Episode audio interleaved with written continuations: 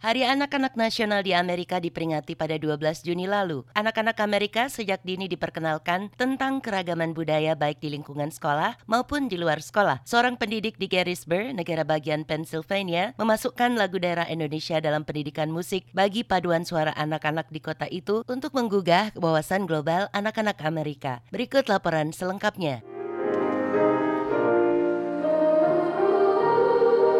Brent Talbot adalah seorang dosen musik di Gettysburg College yang juga mengajar paduan suara anak-anak. Kelompok paduan suara ini setiap tahun melakukan konser di kota Gettysburg. Talbot mengatakan mengajar anak-anak adalah mendidik manusia dengan proses yang sebagian sama seperti mendidik manusia dewasa. I believe in uh, critical pedagogy. This means that the power dynamic between student and teacher is more equal than having a hierarchy where the teacher is an authoritarian dictator or something like that. So, being in the United States and a part of a democracy, I believe in democratic ideals. So, sharing responsibility, having respect for one another's opinions and ideas. Saya percaya pada critical pedagogy, yang artinya dinamika kekuatan antara guru dan murid lebih setara daripada jenjang yang lebih tinggi di mana guru mengajar secara otoriter atau seperti diktator. Berada di Amerika Serikat sebagai bagian dari demokrasi, saya yakin akan idealisme demokrasi,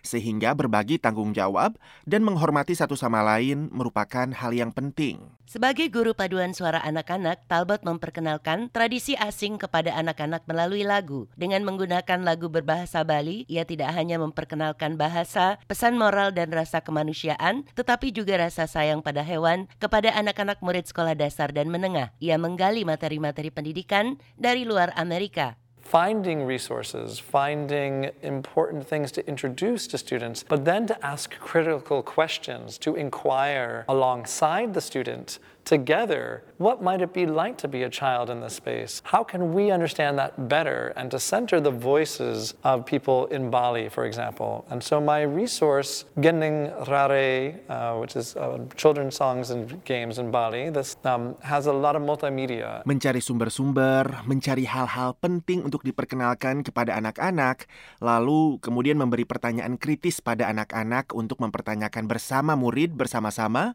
seperti apa rasanya menjadi anak-anak di bumi ini, bagaimana memahaminya lebih baik, dan berpusat pada suara-suara, contohnya mengenai orang-orang di Bali. Jadi materi saya, seperti gending rare, lagu dan permainan Bali, dilengkapi berbagai bahan multimedia.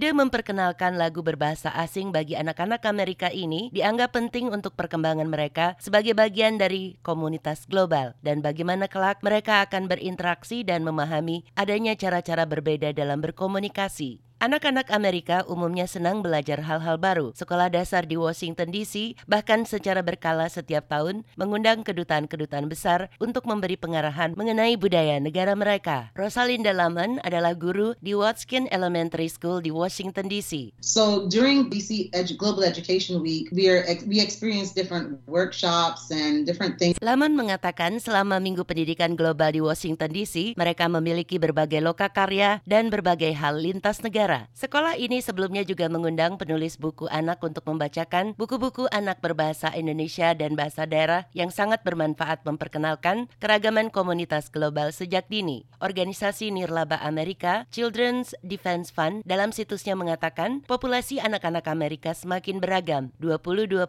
dari total populasi Amerika atau berarti sekitar 73 juta adalah anak-anak. Separuh dari anak-anak itu atau 49,8% adalah anak kulit berwarna berwarna. Madioni melaporkan untuk VOA.